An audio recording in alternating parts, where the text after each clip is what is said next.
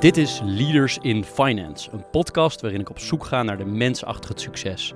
Ik praat met leiders van nu en later over hun drijfveren, carrière en privéleven. Waarom? Omdat er meer gesproken moet worden in de financiële sector. Mijn naam is Jeroen Broekema en voordat we beginnen wil ik de partners van Leaders in Finance hartelijk danken voor hun steun. Dat zijn Interim Valley, FG Lawyers en Roland Berger. Het bedankje voor de gasten wordt verzorgd door Bloemon. Veel plezier met deze aflevering. Welkom bij een nieuwe aflevering van Leaders in Finance. Deze week hebben we te gast Jan-Willem van der Schoot. Welkom Jan-Willem. Dankjewel Jeroen, goedemorgen.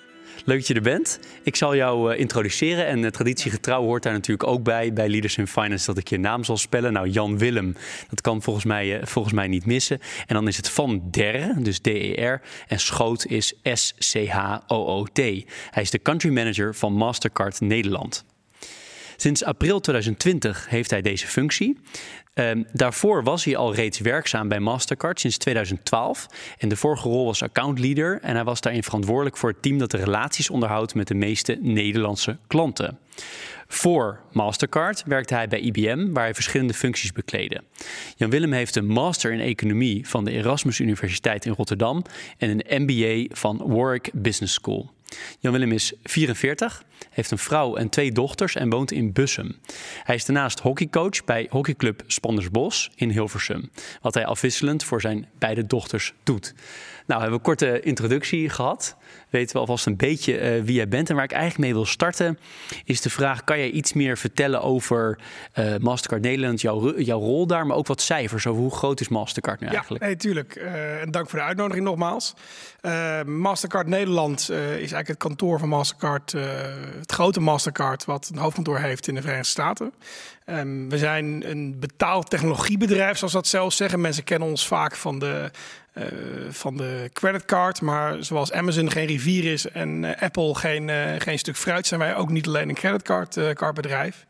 Um, wij proberen eigenlijk de, de betaaltechnologie die wij ontwikkelen ook lokaal te maken voor de Nederlandse, Nederlandse markt en Nederlandse klanten. We staan ook echt met onze voeten in de, in de Nederlandse klei. Dat doen we in Amsterdam ons kantoor met een man of dertig die voor de Nederlandse markt werken. Um, voor een goede helft mensen die meer aan de commerciële kant zitten. Dus de relaties met de klanten onderhouden uh, en de producten beheren. Uh, en de andere helft is een groep consultants die wij in dienst hebben. Die, uh, die veel bij onze klanten verwerkt op allerlei verschillende projecten. Um, nou, we zijn in Nederland kennen mensen ons waarschijnlijk van het van niet alleen Mastercard, maar ook van Maestro, wat op veel pinpassen in Nederland, in Nederland staat. Nou, Nederland wordt ongelooflijk veel uh, betaald ook met, uh, met de pinpas. Ik denk dat we rond de 5 miljard, uh, miljard keer inmiddels zitten. Ook heel veel contactloos. 83% van al die elektronische betalingen die gaat ook, die gaat contactloos. En nou, we werken heel nauw samen met uh, onze klanten, dat zijn banken. En zowel banken die kaarten uitgeven uh, en ook banken die relaties hebben met de winkelier, zodat er bij de winkelier in de winkel of online betaald uh, kan worden. En samen met die banken werken wij om het betalen in Nederland nog eigenlijk gemakkelijker te maken, efficiënter dat is, uh, dat is een mooie uiteenzetting. En waar ik benieuwd naar ben, is binnen die banken, want jullie werken veel met banken samen, zoals je zei. Met, met wat voor soort afdelingen spreken jullie dan met name? Ja, dat is eigenlijk heel erg breed. Dus uh, ja, het, meest uh, voor de hand liggend uiteraard is de afdeling die verantwoordelijk is voor de betaalproducten binnen een bank. dus daar spreken we heel, heel vaak mee. je ziet ook dat ja, betalen was natuurlijk uh, vroeger iets wat vaak aan de achterkant van, van de banken zaten. Uh, tegenwoordig zit dat veel meer aan de voorkant. Het wordt ook steeds belangrijker. Um, zowel je klanten kunnen laten betalen als je klanten laten betalen. Dat betekent dus ook dat wij met steeds meer mensen bij, uh, bij onze klanten praten. Uh, dat kunnen ook innovatieafdelingen kunnen dat zijn. Dat kunnen IT-afdelingen kunnen dat zijn. Dat zijn marketingafdelingen zijn om te kijken hoe we dingen het best in de markt kunnen zetten. Dus het is echt een heel breed scala aan, aan contacten die wij bij de banken hebben, maar ook bij niet-banken. Hoe kijk je naar de, de opkomst aan de ene kant van big tech en aan de andere, je noemde Apple even, maar en aan de andere kant de PSP's, de payment service providers? Hoe, het is natuurlijk een heel dynamisch veld. Ja, het is een heel dynamisch veld. Hè. Wat je natuurlijk traditioneel zag, is dat het betalen lag bij de banken. Ehm, en dat was ook de eerste plek waar, men, uh, waar consumenten heen gingen en waar ook winkeliers heen gingen. Nou, dat is natuurlijk de afgelopen, ja, ik zeker 15 jaar is dat enorm veranderd. Hè. Dus aan de winkelierskant zijn de PSP's eh, opgekomen die er eigenlijk voor zorgen dat allerlei verschillende betaalmiddelen uh, aan een winkelier aangeboden kunnen worden. En die er ook voor zorgen, hè, is daar wat heel goed in, dat als jij een klant in Frankrijk hebt, dat die klant ook de betaalmiddelen ziet die in Frankrijk gelden. Als die als die, klant bij dezelfde webwinkelier in Nederland komt, dan zie je de Nederlandse betaalmiddelen je voorop staan. Um, en dat is een ongelooflijk belangrijke rol en een rol die uh, ook echt nou, bijdraagt uh, als je dat goed doet. En uh, dat doen heel veel PSP's aan, aan omzet en waarde voor winkeliers. En aan de andere kant zie je ook de big techs heel erg opkomen. Apple Pay is denk ik een jaar, het is ongeveer zes jaar geleden dat Apple Pay aangekondigd is. Um, en daarnaast zijn ook bijvoorbeeld Google met uh, Google Pay uh, gekomen. Nou, je ziet dat die ook heel erg op zoek zijn naar hoe kan ik nou meer waarde gaan brengen aan mijn gebruikers van Apple producten of van Google, uh, van Google producten. En die proberen dat stapje bij stapje ook steeds dichter bij de klant te brengen. Wat je daar ziet, en dat zie je in betalen eigenlijk veel breder, je kan het nooit alleen. Dus als jij als big tech uh, iets wil, dan zal je partners moeten zoeken in het betalingsverkeer. Um, nou ja, en dat, uh, dat doen ze met ons, dat doen ze met de banken. En dat is natuurlijk ongelooflijk interessant en ook heel dynamisch.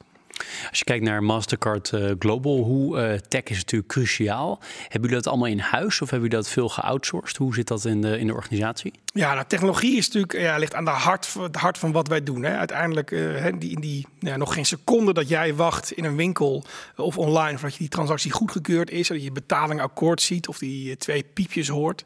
nou, dan gaat er een verzoek naar je bank via ons netwerk. Dat verzoek komt ook weer terug met een ja of een nee.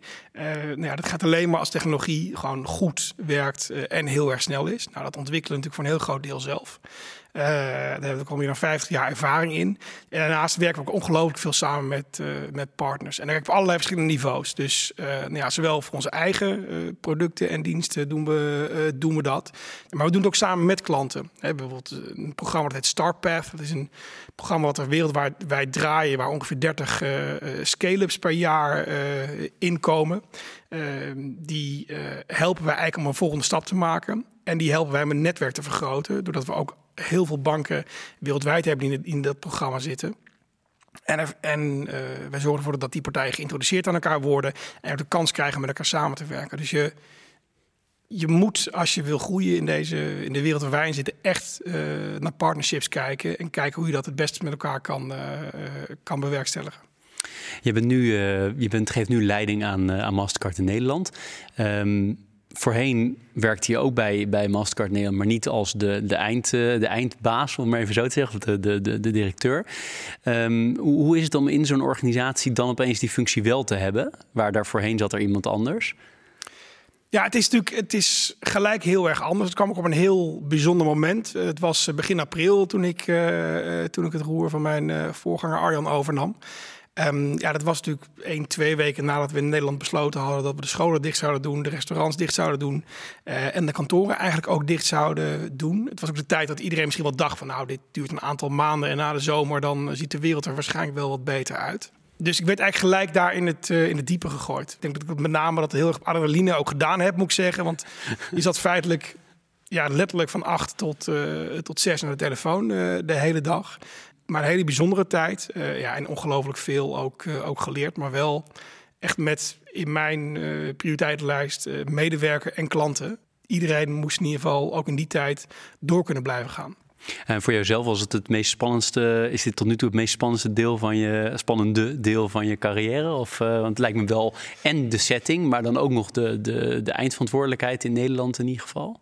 Ja, het, ja, ik denk dat het wel het meest spannende deel is. Ik, dit, ik heb een prachtige jaren bij Mastercard ook hiervoor gehad. Ik heb IBM geweldige jaren gehad en een mooie kans gekregen.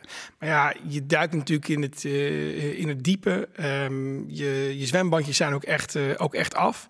Uh, en je, en je, ja, je weet ook dat er een team in Amsterdam is die naar jou kijkt van hè, waar, wat, hoe gaan we nu verder? We hebben niet heel veel staf en niet heel veel overhead, dus ja, je moet het echt helemaal zelf doen.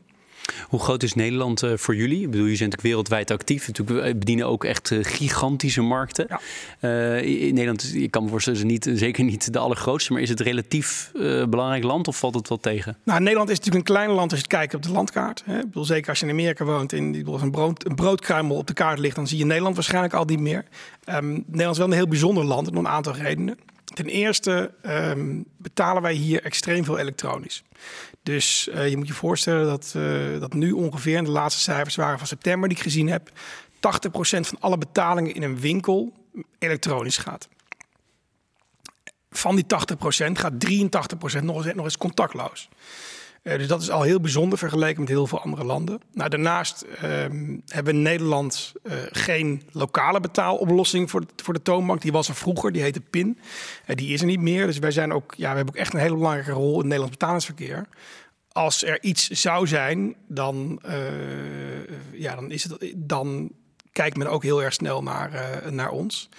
Um, en daarnaast hebben we in Nederland een aantal hele grote en belangrijke klanten voor ons. Nou ja, uh, Adyen uh, is een voorbeeld. Uh, ongelooflijk groeiende en grote partij die, die geweldige producten en diensten voor winkeliers aanbiedt, wereldwijd, maar wel vanuit Nederland. ING, hele grote bank die in veel Europese landen zit en ook buiten Europa actief is. maar ook met de Rabobank en de ABN AMRO zijn we natuurlijk heel nauw betrokken. Dus dit zijn gewoon grote banken en grote namen die we hier hebben. Dus ehm, in Amerika kennen ze Nederland, in Amerika kennen ze mij. En uiteindelijk ben ik ambassadeur van Mastercard naar onze klanten toe. Maar ik ben ook ambassadeur van onze klanten intern naar mijn, uh, naar mijn collega's toe. Um, en je moet ze heel vaak heel veel dingen uitleggen, want betalen is in ieder land echt uh, volstrekt anders. Je hebt uh, jouw carrière volgens mij tot nu toe altijd voor Amerikaanse, nou, twee dus, twee Amerikaanse bedrijven gewerkt, uh, IBM en, uh, en Mastercard nu. wat is nou specifiek, je kan misschien niet vergelijken met daarbuiten zozeer, maar wat, wat valt je op aan het werken voor Amerikaanse, in dit geval ook nog eens een keer mondiaal opererende players? Ja, en is geen bewuste keuze geweest. Ik kwam toevallig bij IBM beland en die stap bij Mastercard was ook min of meer, min of meer toevallig. Ik vind het heel prettig werken, moet ik zeggen. Ik uh, weet inmiddels hoe hazen moeten lopen in uh, dit soort bedrijven. Ik weet wat belangrijk is. Het zijn twee beursgenoteerde bedrijven. Ik denk dat het ook heel erg belangrijk is. Uh, ik heb de kans gehad om zowel de CEO van IBM in, een, in een heel select gezelschap ooit te spreken. En ook onze eigen CEO. en wat je daar altijd hoort is dat het natuurlijk, ja, men heel kijkt naar klanten en naar stakeholders en naar aandeelhouders. Dat, uh, die drie zijn ongelooflijk uh, belangrijk. Um, ik hou heel erg uiteindelijk van uh, nou, directe. We hebben een budget, we hebben doelstellingen en daar moeten we met z'n allen voor, voor gaan. Um, Amerika is natuurlijk wel een land geweest, zeker de afgelopen jaren, wat in verwarring misschien wel was. Wat ja, waar wat misschien niet zo hoog meer aangeschreven stond als we het misschien daarvoor, uh, daarvoor zagen. Dat merkte je ook hier wel, wel een beetje. Maar ik heb enorm plezier in de, ja, in de directe manier van samenwerken die we met collega's doen. En dat is soms is dat, is dat heel hard op de inhoud. En dat, dat hoort er ook af en toe bij. maar het is wel heel helder en heel erg duidelijk. maar je moet er wel van houden en je moet er af en toe wel mee leren kunnen leven. Als jij, ehm, je noemde het al even, je, je uh, start bij IBM en ook je overstap naar Mastercard. Dat zijn altijd wel interessante momenten. Kan je daar iets eh, op inzoomen hoe je destijds bij IBM terecht bent gekomen, ook hoe je de overstap hebt gemaakt? Waar, dat, waar dat hem in zat vooral? Ja, nee, bij IBM um, kwam ik eigenlijk na mijn studie economie. ben iemand die altijd erg gefascineerd is van de commerciële kant van bedrijven. Ik zag studievrienden uh, zag ik bij consultants terechtkomen, bij banken terechtkomen, bij de fast-moving consumer goods uh, bedrijven terechtkomen. Um, maar ik was altijd erg gefascineerd van het, van het commerciële en ook wel in de, aan de B2B-kant. ik liep stage bij een bedrijf denk een afstudeerstage die automatisch geleide voertuigen maakte. Um, nou ja, dat was zeker toen was dat echt nog, uh, nog heel vooruitstrevend. Prachtige dingen gedaan. Uh, en na een gesprekken met die eigenaar uh, kwam ik eigenlijk naar voren. Als je die kant op wil, dan, dan moet je eigenlijk bij IBM beginnen. Dat is een bedrijf waar je dat leert. Um, nou ja, eigenlijk zo manier daar eigenlijk ook gewoon ingerold, begonnen. Prachtige jaren gehad, twee jaar eigenlijk in een soort van traineeship gezeten. Letterlijk begonnen aan de telefoon met uh, maar gewoon klanten bellen. Uh, uiteindelijk toch heel snel in een team van grote klanten. ABN AMRO terechtgekomen als jongste bediende. Noem ik het altijd maar eventjes. hele mooie kansen daar gehad en ook gepakt. Um, nou ja, uiteindelijk daar lang gezeten, de verandering van die bank doorgemaakt. Uiteindelijk toen nog een laatste rol gehad als um, bij de financieringstak van, tak van IBM in Nederland. Maar dat was wel ook wel het moment dat ik al wist, ik zit er zo meteen tien jaar tijd om door te gaan. Uh, nou dat laat je dan wat mensen om je heen ook weten. Een beetje informeel, laat je links rechts vallen. En uh, zo heeft ooit iemand mij bij Mastercard genoemd. En daar gesprekken gehad. En ja, dat klikte eigenlijk meteen. Die ging van een hele grote organisatie in Nederland, hè, waar 4.000, 5.000 mensen werkten bij IBM, naar toen nog 12 mensen in Nederland. Uh, van binnenkomen en de portier gedag zeggen, naar binnenkomen, uitvinden dat de deur, de deur nog op slot zit en met de sleutel die je zelf hebt de deur openmaken. Um, en dat was een, uh, ja, het was, het was voor mij de juiste stap op het juiste moment. En uh, de commerciële kant uh, heeft je interesse, maar ook de, de, de financiële kant blijkbaar. Wat, wat, spreekt daarin aan? Nou, de financiële kant ben ik eigenlijk een beetje ja, ik denk ingerold. Het zal zeker niet helemaal toevallig geweest zijn, dat, uh, dat weet ik zeker. De IBM heb ik de eerste twee jaar eigenlijk allerlei soorten klanten gedaan. En toen ben ik eigenlijk een beetje in ABN AMRO gerold. Um, ja, en dat fascineerde me ook wel hoe een bank, zeker toen nog een, een wereldwijde bank, uh, bank werkte. Ja, wat je dan wel vaker ziet, is dat je uiteindelijk dan, nou ja, ook bij Mastercard, een, iemand bent die ze graag willen hebben, omdat je juist die banken ook goed kent en ook weet hoe grote bedrijven uiteindelijk uh, werken en opereren. En ik denk zeker als je aan de commerciële kant zit, is er een groot verschil tussen nou ja, veel bedrijven in je portfolio hebben. Uh, en daar allemaal heen moeten. Of één of twee grote klanten hebben. Uh, waar, uh, ja, waar veel politiek speelt, waar veel stakeholders zijn. En ja, dat was iets wat ik, wat ik goed onder de knie had. En het is niet per se zo dat jij jezelf altijd in die financiële hoek blijft zien. Het is.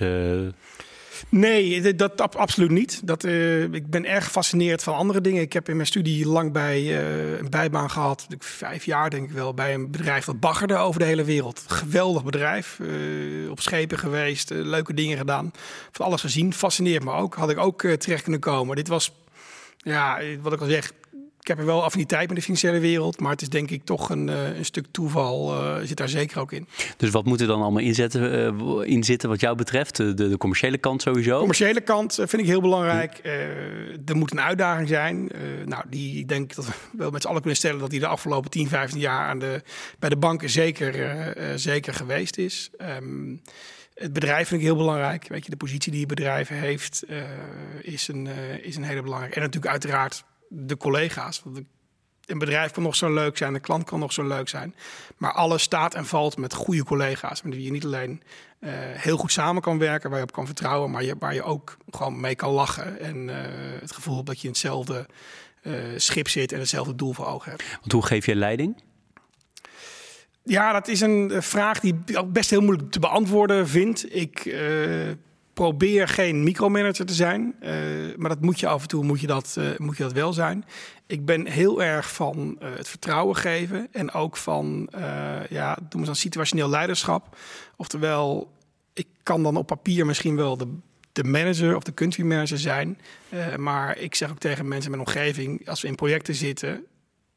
Vertel mij wat ik moet doen. Feitelijk geef je aan mij leiding op zo'n moment. Laat weten wat je van mij verwacht. Uh, en dat is uh, voor mij heel erg belangrijk. Ik weet een boel, maar ik weet ook niet alles. En ik, moet zeker in deze rol dus ben ik bezig met klanten, met producten, uh, met stakeholders. er zitten HR-aspecten aan. Die is zo breed dat je dus alleen maar het goed kan doen als je ja, ook gewoon vertrouwen kan geven aan je medewerkers. En ook met hun overlegt en ook in hun eh, de ruimte geeft om, eh, eh, om te bepalen wat er moet gebeuren.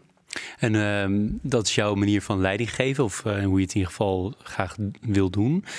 Hoe motiveer je jezelf? Ja, dat gaat vrij makkelijk, moet ik heel zeggen. Ik ben redelijk enthousiast en ik heb altijd wel heel veel, uh, heel veel zin in, uh, over het algemeen. Natuurlijk zijn er momenten dat je wel even denkt van, oh mijn, mijn hemel, waarom, uh, waarom moet ik nu weer, weer opstaan? Maar ik, ik hou enorm van uitdaging. Ik hou enorm van, van mensen, nieuwe dingen uitzoeken. Ik hoef mezelf niet echt te motiveren, want op het moment dat ik mezelf wel moet gaan motiveren, denk ik echt dat het tijd is voor, voor wat anders. Ik komt, ja, zeker als je bij een kleine organisatie werkt, zoals wij in Nederland zijn, komt er zoveel op je af. dat, je, ja, dat het meer prioritiseren is dan, dan motiveren, denk ik.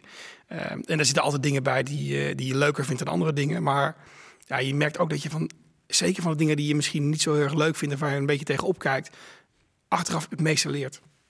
En als je kijkt naar, uh, ik noem maar wat, vanaf, vanaf de, de, de tijd bij de Baggeraar of bij IBM of bij Mastercard, bij ABN AMRO.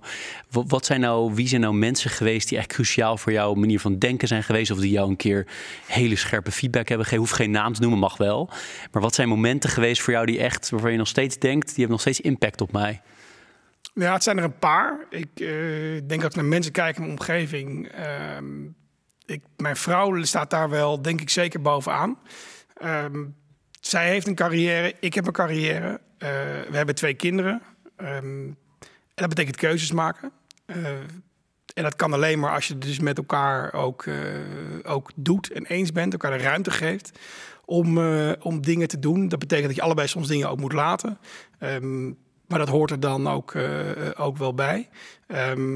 als ik naar werk kijk, zijn er een, een, aantal mensen in mijn omgeving die me gestimuleerd hebben, uitgedaagd hebben.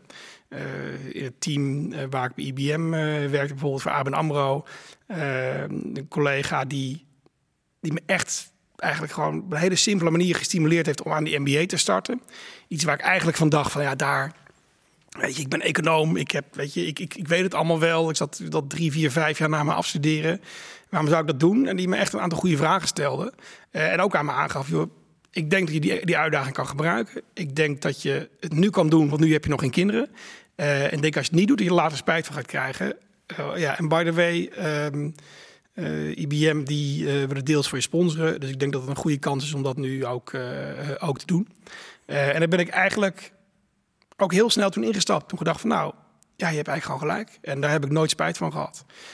maar ook collega's die me gewoon heel direct feedback geven. Dat vind ik heel erg belangrijk best wel iets wat lastig is om te geven uh, en om te ontvangen. Uh, maar de collega's die dat gedaan hebben, uh, soms over hele kleine dingen, daarvan merkte je dat, dat het verschil maakte. Die ben ik nog steeds heel erg dankbaar. Schiet je een voorbeeld te binnen van feedback?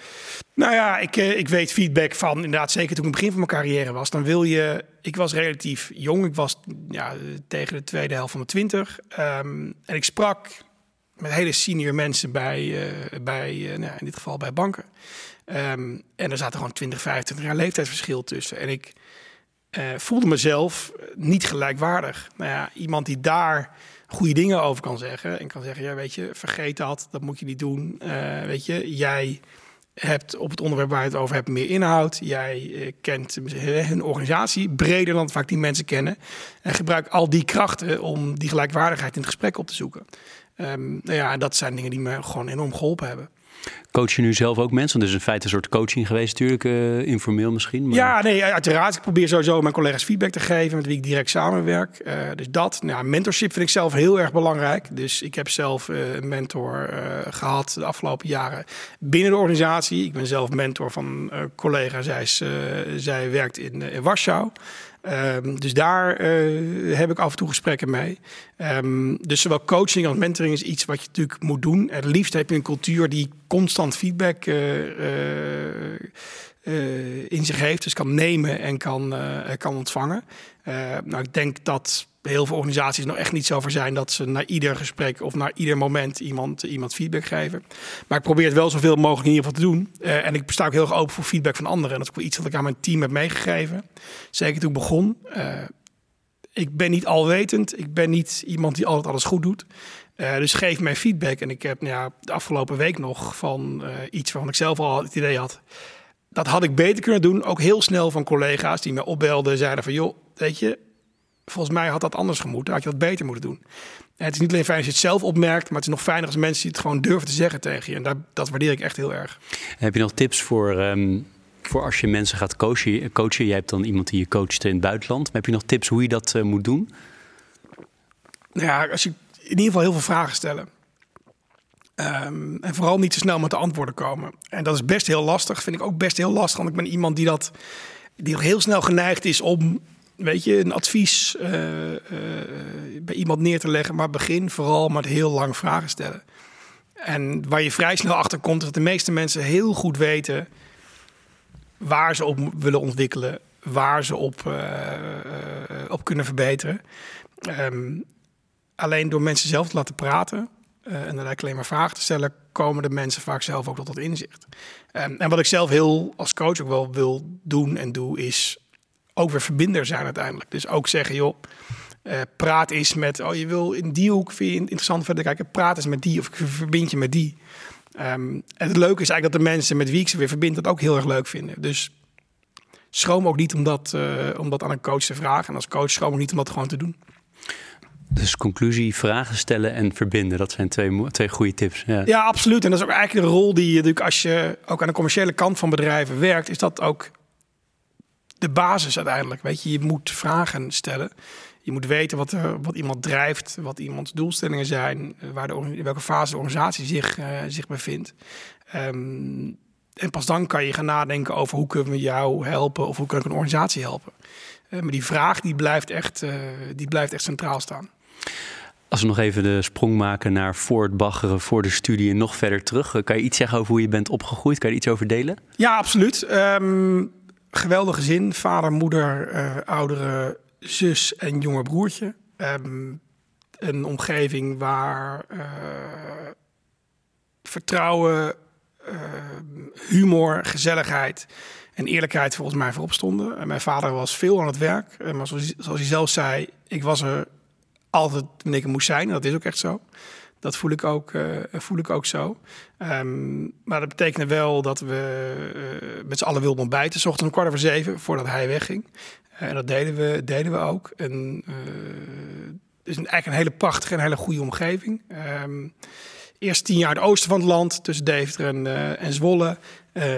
de laatste acht jaar, toch maar acht in de, in de, buurt, van, in de buurt van Amsterdam. Uh, dus ook twee uitersten ook heel erg meegemaakt. Ben ik eigenlijk ook heel dankbaar voor. Uh, omdat in mijn opvoeding ook heel veel realisme zat. En um, ik bedoel, ik, als ik naar de wereld kijk, denk dat ik, dat ik best een hele goede, uh, goede opvoeding gehad heb. Dat ik heel blij ben met mijn achtergrond. maar dat betekent niet dat alles altijd maar kon. Um, het mooiste voorbeeld vind ik nog steeds dat toen ik studeerde, ja, ik ieder jaar bij mijn vader moest komen. En die zag ik ook veel, maar voor de budgetonderhandelingen, zoals we dat wij thuis noemden. Uh, dus dan gaf ik aan wat ik dacht nodig te hebben dat jaar. En dan uh, gaf hij aan wat hij dacht dat ik, wat hij dacht dat ik nodig zou hebben. Er zat uiteraard altijd een verschil tussen. um, en daar, uh, nou ja, daar werd niet echt over onderhandeld. Ik noem het onderhandeling, maar dat, dat, ik, er was niet veel te onderhandelen. mijn vader gaf aan, nou, volgens mij is dit het bedrag waar, waar ik denk dat je per maand van rond kan komen. En trouwens, weet, dit is meer dan een bijstandsmoeder met twee kinderen. En met name die laatste zin, die gebruik ik nog heel vaak. Want um, dat geeft me wel veel, ook realisme gebracht. En ook gewoon, voor mij was het logisch dat ik eigenlijk van mijn tweede studiejaar... toch al minimaal een dag per week gewerkt, uh, gewerkt heb. Uh, zodat ik ook de leuke dingen kon, uh, kon blijven doen. Um, dus de, ik moet zeggen, een hele prettige omgeving. En ja, ouders, broer en zus, uh, we zien elkaar ja, heel veel en uh, dat is ongelooflijk waardevol. En zitten je ouders ook, uh, of zitten ze ook in de, in de hoek waar jij, waar jij nu opereert? Heel nou, andere soorten beroepen. Nou ja, dat eigenlijk stiekem wel. wat mijn vader misschien wel een beetje hetzelfde pad heeft gelopen als ik. Die is begonnen buiten de financiële wereld. Die is in Delft gestudeerd en rond zijn, ik denk uh, 7, 38ste, is hij bij, uh, bij de toenmalige Amrobank terechtgekomen. Uh, en heeft eigenlijk tot nou, letterlijk uh, april dit jaar in de financiële wereld gezeten. In alle verschillende functies. en mijn broer en mijn zus zijn vrij snel na hun studie ook die kant opgegaan. ik niet, maar ben er later dan toevallig weer ingerold. Grappig, grappig. En je bent toen economie gaan studeren. Was dat een, was dat een bewuste keuze?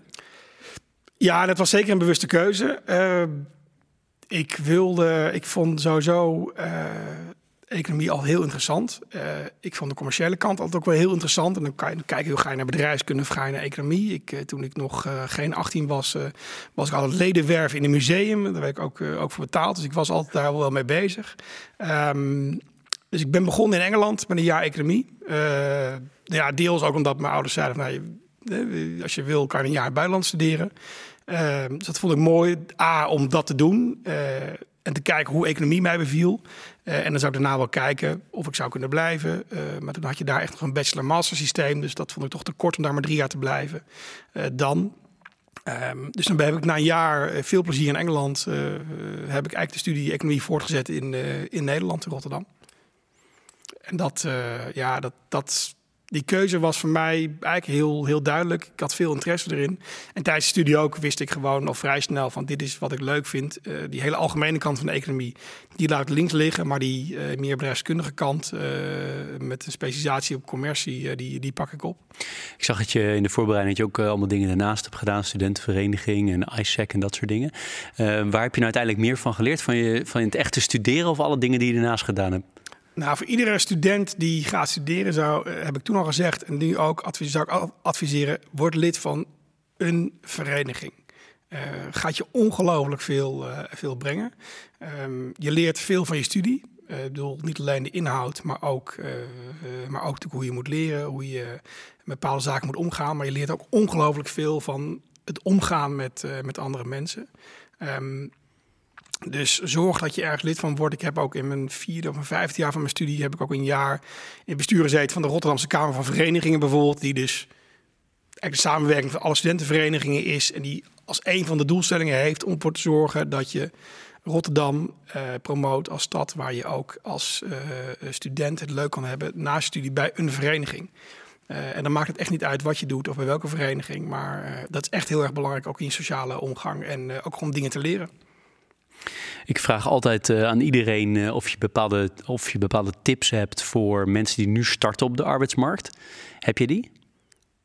Misschien in de financiële ja, sector of, ja, of breder? Ik denk, ik denk een, een, een, aantal tips aan het begin van je carrière. Uh, ten eerste, um, weet dat je zelf verantwoordelijk bent voor je carrière. Ik vind dat een hele belangrijke. Mensen zijn natuurlijk vaak met je bezig, maar uiteindelijk ben je zelf verantwoordelijk voor je carrière en voor je volgende stap. Ga er maar niet van uit dat een ander daarmee bezig is. Als het wel zo is, hè, gebeurt gelukkig heel vaak, is het mooi meegenomen. Maar uh, het komt niet allemaal op je af. Je moet er echt zelf naar, uh, naar zoeken. Ik denk dat het een hele belangrijke is. Het tweede is, durf te vragen, durf feedback te vragen. Uh, durf, durf ook gewoon vragen te stellen. En wat mij altijd heel erg geholpen heeft, is om toch zelf wel doelen te stellen. En ook niet, het is niet verkeerd om die doelen ook gewoon te delen met mensen uiteindelijk. Ik, de rol die ik nu heb, die, daar had ik twee jaar geleden al van gezegd, van, nou, die wil ik heel graag doen. Uh, en dan ga je in je omgeving vragen, joh, wat is daarvoor nodig? Wat, uh, wat zijn de stappen erheen? Wat is de route daar naartoe? Uh, en er zal niemand dan zeggen tegen je, nou die rol die ga je krijgen. Maar mensen zullen je wel helpen. en zullen ook, ja, als, het, als het moment daar is, jou ook in ieder geval zeker niet, niet vergeten. Ook als je in een rol zit, bedenk al, wat zou je volgende stap bijvoorbeeld moeten zijn? Waar, uh, waar, uh, waar ligt je ambitie? Uh, ik maak er nu in deze rol ook mee hoor, dat ik met mensen spreek en die vragen ook stel. En dat mensen eigenlijk twee jaar in een rol zitten. ja, eigenlijk niet kunnen aangeven joh, wat, wat ze nu willen. Of zeggen, nou, het zit eigenlijk, het zit eigenlijk wel goed. Nou, dat, dat kan. Maar ik denk als je, zeker als je het leuk vindt om nieuwe dingen te doen, om stappen te maken, moet je ook nou, een beetje een, je moet gewoon een punt aan de horizon voor jezelf stellen. En kijken hoe je daar komt. En of je er komt, nou, is bijna nog minder belangrijk dan uh, te kijken hoe je er komt. We hadden het eerder even over, of tenminste jij had het over um, de, ook de maatschappelijke rol die, die Mastercard eigenlijk speelt. Omdat het hele betalingsverkeer, jullie daar een hele belangrijke rol in spelen. Tegelijkertijd is, is het natuurlijk ook gewoon een commerciële organisatie, zeg je zelf ook. Hè? Moeten we ja. ook commercieel bezig zijn. Hoe, uh, hoe, hoe zit die, die verhouding bij jullie? Um, ja, het is. Kijk, het is natuurlijk uh, altijd moeilijk om die balans te vinden. Hè. Je wilt natuurlijk goed zijn voor de omgeving en je wil goed zijn uiteindelijk voor je, voor je aandeelhouders. Wat heel duidelijk hierin is, is dat als je niet goed bent voor je omgeving, dan ben je nooit goed voor je aandeelhouders. En ik vind, uh, we hebben een geweldig inspirerende CEO, uh, Ajay Banga, ehm, die daar ook echt constant mee bezig is. En als je die hoort spreken, en ik heb hem er onlangs nog, nog over, weer over gehoord, ook aangegeven wij moeten ervoor zorgen dat we iedereen in die digitale financiële economie krijgen. We hebben ooit een ambitie gezet van 500 miljoen mensen. Een aantal jaar geleden, dat hebben we gehaald. We gaan naar een miljard. En waarom moeten we dat doen? Hij zei, eigenlijk is het heel simpel. Had een hele mooie analogie. Hij zei, als we alleen maar kijken hoe de mensen die heel rijk zijn rijker worden... Uh, ja, dan bereik je niet zoveel. Want als je drie of vier tv's in je huis hebt, ga je geen vijfde kopen. En gaat ook uiteindelijk de economie niet verder groeien. Als je richt op de mensen die nog stappen moeten maken, eh, dan gaan die consumeren. En dat gaat ons als samenleving, als wereld eh, en uiteindelijk ook als bedrijf het meeste brengen. Uh, en dat, dat vind ik wel heel erg mooi dat we dat kunnen doen. Nederland is natuurlijk ongelooflijk bijzonder, want daar hebben we een, ja, eigenlijk een economie die heel digitaal is en die uh, zeker aan de financiële kant uh, behoorlijk inclusief is. Iedereen die kan een betaalrekening openen, iedereen kan een bankpas krijgen. Um, maar toch kijken we hier van hoe kunnen we daar aan bijdragen. Bijvoorbeeld met, onze banken, onze klanten in Nederland. Nou, Rabobank is een voorbeeld. Mee bijvoorbeeld samen aan het werken zijn om een project in Afrika ook, uh, ook te doen. Om daar boeren uh, toegang te laten geven tot digitale economie. En dat is gewoon ongelooflijk leuk, maar ook gewoon heel erg belangrijk. Zoals je weet hebben we altijd een, uh, een teaser en een pleaser. Want jij vertelde van tevoren dat je al wel wat afleveringen geluisterd had. Dus dat ja. komt jou bekend voor. Um, ik wilde bij de teaser uh, hebben over het volgende. En ik weet, je hebt het al heel haarfijn uitgelegd hoor. Dat jullie veel meer zijn dan alleen maar de, de creditcard in, in iemands uh, telefoon of in het, het, gewoon het pasje. Maar toch even over die creditcards hebben. de specifieke dat onderdeel van jullie business. Um, en ik heb daar opgeschreven dat jarenlang was dat natuurlijk, en nog steeds is een multi-billion industry. Er is onvoorstelbaar veel verdiend. Het is niet voor niets dat Warren Buffett altijd zegt. Ik geloof gaat het bij hem over, over American Express. Maar ja. goed, kan net zo goed over jullie gaan. Um, maar uiteindelijk is dat toch, staat hier als teaser, is dat toch een beetje een dead end aan het worden. Ja, nee, maar ik denk, ik denk dat je daar een heel goed punt hebt. Om even duidelijk te zijn, wij als klant een creditcard hebben en die lossen daar niet op af, hè, wat, wat kan. Dan uh, is het niet zo dat je daarmee Mastercard uh, financiert. De banken zijn verantwoordelijk voor het krediet. Dus die krijgen het risico en die hebben ook de opbrengst van krediet. Um, als je nu kijkt naar de wereld, zie je natuurlijk een enorme verschuiving plaatsvinden.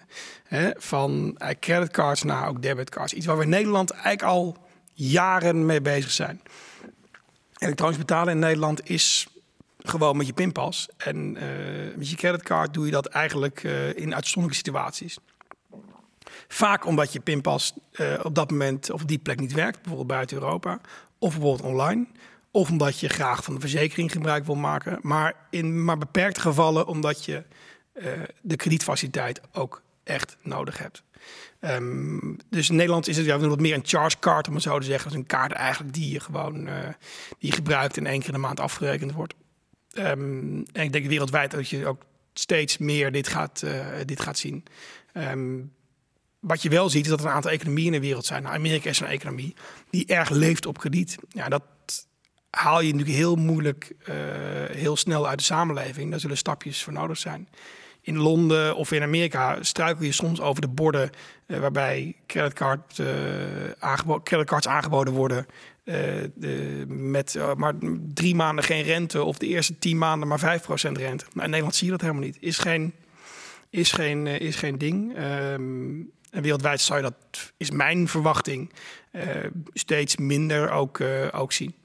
Dus weinig teasend wat dat betreft. Wat jij, jij zegt eigenlijk de creditcard op lange termijn is toch wel een... Um... Die zal er zijn als je besluit om iets later te kopen. En dan is het, zit het vaak in de ja, in, in het land zelf, in de cultuur van het land, of wat veel is of weinig is. En er zijn landen waar de cultuur is dat je veel op krediet koopt. Ja, daar zal die blijven. Er zijn landen zoals Nederland, waar je dat weinig ziet. En waar overigens ook, en terecht, uh, er, uh, er overheden zijn die daar die heel goed kijken naar wat kan iemand, uh, kan iemand dragen. En zou het kredietdeel, als je daarop inzoomt, niet over, meer overgenomen worden door juist die big techs? Of um, uh, bijvoorbeeld, als voorbeeld, een van die big techs dat bij Amazon, je koopt iets en dan komt het krediet erbij. Of uh, via je, je Apple-phone, die biedt aan van hé, hey, ik zie dat je te weinig uh, geld op je rekening hebt staan. Ik heb nu een kredietfaciliteit. Zou, zou dat, dat deel niet door hen overgenomen worden? Om de teaser ja, toch nog iets ja, uit te breiden? krediet is zeker, weet je, dat zijn partijen die, die dat zeker kunnen gaan aanbieden.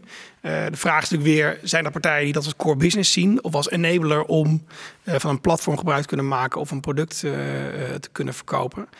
je ziet dat daar ook heel veel banken mee samenwerken. Ik bedoel, wij werken ook samen met Apple van Apple Card in, in Amerika. maar er zit ook weer een bank, er zit ook weer een bank bij. Dus dat zal zeker blijven. Want kredietbehoefte die, die gaat niet weg. Hè? Die absoluut niet. En zijn hele mooie oplossingen, hè? die ik misschien ook in Nederland wel gaan zien uh, over een tijdje. Bijvoorbeeld waarbij je met je uh, creditcard dan zegt, joh, ik betaal het liefst in drie termijnen. Dat je dus vooraf dat je betaalt exact weet dat je drie termijnen gaat betalen. En je weet hoe hoog die termijnen zijn, bijvoorbeeld. Hè? Dat is al veel helderder, veel duidelijker. Want denk voor krediet heel belangrijk is. Het is niet erg dat mensen krediet afnemen. Integendeel, dat, uh, dat doen we allemaal als we een huis kopen. Uh, dus dat hoort erbij. Uh, het is heel belangrijk dat mensen weten waar ze voor kiezen. en dat ook het zorgkrediet past bij de aankoop die ze doen. En daar zou een creditcard bijvoorbeeld een hele nieuwe rol kunnen spelen de komende jaren. Aan de pleasende kant zijn er bepaalde boeken die jij met heel veel plezier gelezen hebt of geeft? Ja, ik lees te weinig sowieso. Maar dat zullen meer mensen hebben in de situatie waar ik in zit. Het beperkt tot vakanties. En, uh, uh, ja, en dat is het ook eigenlijk. Um, ik, wat ik lees zijn een paar, een paar soorten boeken. Ik vind het heerlijk om uh, een boek van John Grisham of Tom Clancy te pakken. gewoon vanwege de spanning en om even uit de wereld te zijn. Ik vind het heel interessant om boeken te lezen over de klanten waarmee we omgaan. Hè. Nou, Staatsbank, uh, Breken met banken, over Bunk en de Bank van de Goede Bedoelingen, over Rabobank. Het zijn boeken die ik met veel interesse, interesse lees. Boeken over geschiedenis vind ik interessant, maar een boek wat ik onlangs gelezen heb, en dat heeft niets eigenlijk direct met werk te maken, is een boek Scheepsberichten van Rob Biersma een boek van, uh, hij is oud-directeur van het NRC, inmiddels met pensioen. En hij heeft een eh, aantal jaar geleden uh, in zijn eentje met een kleine zeilboot een oversteek gemaakt van Nederland via de Azoren naar Suriname. Ik heb zelf veel gezeild, ook lange afstanden. En ik vind het heel fascinerend om te zien hoe iemand dat in zijn eentje doet. Hoe iemand nou, niets tegenkomt behalve zichzelf. Uh, wat iemand meemaakt. En hij heeft het op een ongelooflijk leuke manier heeft dat opgeschreven. En uh, nou ja, zeker een aanrader voor iemand die, uh, die dat, dat soort verhalen heel erg leuk vindt. Leuk. Je bent hockeycoach, competitief. Nou, met het niveau van mijn kinderen niet competitief, maar ik ben wel competitief, laat ik het zo zeggen. Dus uh, mijn kinderen hebben een boel talenten, maar uh, niet per se. Uh, het is geen Nederlands elftal speelsters worden. Maar wat ik echt heel erg leuk vind om op zaterdag die teams wel te coachen. Dus het jaar coach ik de ene, het andere jaar in principe de andere. Um, wat ik daar heel leuk aan vind, is dat je, nou, ze zijn nu 11 en 9. Um, nou ja, dat je in zo'n team al in zo'n jaar ziet wat voor ontwikkeling ze meemaken. Uh, wat voor plezier ze met elkaar hebben. Maar ook om te kijken hoe kan je nou uit iemand het allerbeste halen. En dat betekent niet dat ik ze allemaal op die kinderen zit en met hele schema's voorbij kom. Maar kijk wel per kind van hoe kan je nou ervoor zorgen dat ze iemand maximaal zijn best doet. Uh, en dan zie je zo'n team in een jaar groeien en dat is heerlijk. Het is voor mij enorme ontspanning. Uh, het is veel plezier. Het is ook vaak vroeg op. Het is ook uh, zeker voor corona soms ja, van Lelystad tot Woerden en vaak ook heel vroeg. Maar met groot plezier doe ik dat iedere zaterdagochtend. Ben je geliefd bij, bij, de, bij je dochters op dit punt en bij de rest van het team? Of ben word je toch gezien als de, Nee, ik denk wel dat ik, ik denk wel dat ik geliefd ben, laat ik het zo zeggen. Um, je, komt, je, je komt natuurlijk, je eigen kinderen coachen is denk ik het allermoeilijkst. En um, ik uh, merk heel erg aan me dat ik op alle kinderen let, maar het meest kan ergeren soms aan mijn eigen kinderen. En dat ook het meeste, het meeste kan uiten. Uh, maar ze vinden het allebei ongelooflijk leuk. En uh, ik moet zeggen, ze vragen er ook om uh, of ik het wil doen. Dus ik, zolang zij het leuk vinden, blijf ik het in ieder geval nog doen. Um, je vertelde in het voorgesprek, je vrouw, of je zei het geloof ik dit tijdens het gesprek ook al, ook, is ook actief met haar carrière bezig. Uh, jij hebt ook altijd drukke banen gehad. Hoe uh, manage jij werk en privé? Ja, dat is eigenlijk de, ja, dat is, dat de grote uitdaging. En ook een van de weinige dingen waar ik wel onrustig over kan, uh, kan worden. Um, we hebben allebei altijd fulltime gewerkt. we hebben twee dochters. Um, we hebben allebei veel ook in het buitenland uh, uh, gewerkt, dus waren veel op reis. Dus dat is enorm veel plannen. Door de week is het plannen. Die kinderen, nou, vanaf ze klein waren, gingen ze al vier dagen naar de opvang. Uh, nu hebben we oppas aan huis en ook nog twee dagen opvang. Um, dus het is gewoon heel veel plannen. Het is echt heel veel samen doen. Het is geven en het is, en het is nemen daarin. Um, en zolang het leuk is, is het, en je allebei de energie eruit haalt, is het ook iets wat je kan blijven doen. En het is ook gewoon keuzes maken uiteindelijk. Zeker de weekends, die zijn echt, nou weet je, die zijn in principe gewoon voor het gezin. Dat is heel belangrijk. door de week, zeker voor corona, was het, ja, was het gewoon heel, heel hectisch en heel erg gereguleerd. kinderen staan op, ontbijten, naar school, uh, werk, uh, weer terug. Je bent toch al gauw, ja, twee, drie avonden per week uh, is één van twee er wel, is er wel niet voor allerlei verschillende redenen. Dus je moet het echt samen doen. Ik ben ook heel blij en trots hoe we dat ook samen hebben kunnen, kunnen doen. Ehm, en daar moet je soms wel dingen voor laten. maar uiteindelijk ben ik heel blij dat we het zo gedaan hebben. Ja, je hebt dus ook zo georganiseerd blijkbaar dat je allebei carrière kan maken. Ja, maar ja, wat ik al zeg, je moet wel keuzes maken. Ik denk bijvoorbeeld dat we allebei het wel heel leuk hadden gevonden om nog een tijd in het buitenland te werken. Alleen dat wordt lastig als je daar allebei, uh, als je allebei voor zorgt dat je ook een stap blijft maken in je, in, je carrière. Dus die kansen zijn wel voorbij gekomen. Daar is ons heel erg nauw naar gekeken. Maar ik hoop dat het iets is wat we doen als de kinderen ouder zijn. En dat we dan die, uh, die stap kunnen maken. Uh, maar je zal keuzes moeten maken. En je zal ook op heel veel momenten denken van waar ben ik aan, waar ben ik aan begonnen. Ja, dat is een mooi bruggetje naar de toekomst. waar zie jij jezelf niet, niet de, de, nou, de komende jaren, want dat is een beetje flauw. Maar verderop in je, in je loopbaan? Ja, dat is een hele moeilijke vraag. Ik heb natuurlijk zelf wel wat ideeën en gedachten over. Ik wil sowieso de komende jaren in, Nederland echt, uh, echt sterk maken voor onze, uh, onze klanten en voor de Nederlandse markt en voor onze collega's. Dat is één. En dan ja, is de dan zal voor mij binnen Mastercard in Nederland uh, de mogelijkheden er niet meer zijn. En dan uh, zal ik moeten gaan kijken of ik deze rol, zo'n soort rol kan voortzetten uh, binnen Europa. Dan wel voor klanten of voor een deel van, van klanten of voor landen.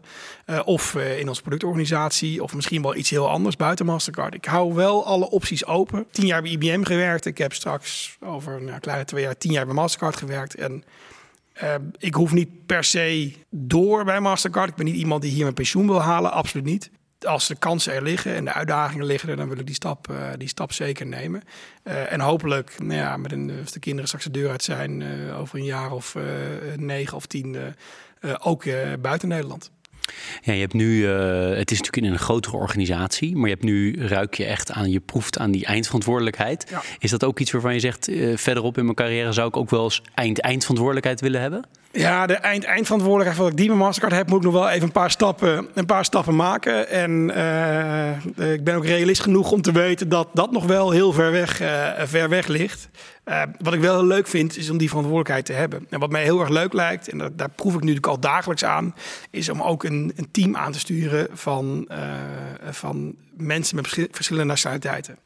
Hoe zorg je dat je in het drukke bestaan met het gezin en het werk en het werk van je vrouw, dat je mentaal, mentaal en fysiek fit blijft? Ja, fysiek. Ik heb het aanleg om behoorlijk uh, te groeien in de breedte. Dus ik moet sporten. Dat heb ik mezelf inmiddels aangeleerd. Dus, dus twee, drie keer in de week in de sportschool. Eén tot twee keer in de week. In de winter één keer. En de zomer twee keer in de week op de fiets. De mountainbike buiten. Daarnaast voor je mentaal moet je toch ook kijken of hebben we ook wel moeten leren om rustmomenten te pakken op een dag. Ik doe dat uh, onder meer met uh, een beetje mindfulness. Dus uh, af en toe gewoon een, gaan zitten en een, een, oefening, een oefening doen. zeker niet dagelijks, maar wel op regelmatige basis. Omdat ik gewoon weet dat dat voor ademhaling en voor mijn eigen rust heel erg goed, uh, goed werkt. Uh, ja, en uit je huis zijn op andere plekken geeft heel veel uh, rust. Naar musea doen we bijna ieder weekend met de kinderen. Vinden we ongelooflijk leuk en interessant. nou ja, als het weer kan, zullen we zeker weer vakanties gaan. We zijn graag in België op het strand, waar we veel tijd spenderen. Um, zomer specifiek België? Ja, specifiek België, daar hebben we een huis. Dus dat in de familie hebben we een huis daar, of een appartement eigenlijk. Dus daar zijn we veel.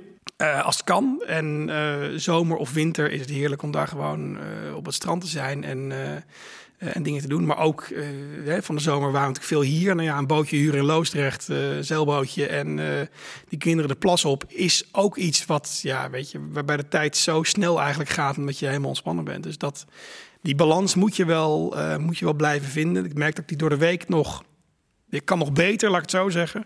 Uh, maar in het weekend uh, doen we het nu echt uh, heel erg goed. Daar ben ik heel blij mee ook. En de sportschool is dan voor je werk? Of sportschool is voor mijn werk, ja. Hmm. Dus dat doe ik ehm, ook in coronatijd. doe ik dat tussen half acht en half negen.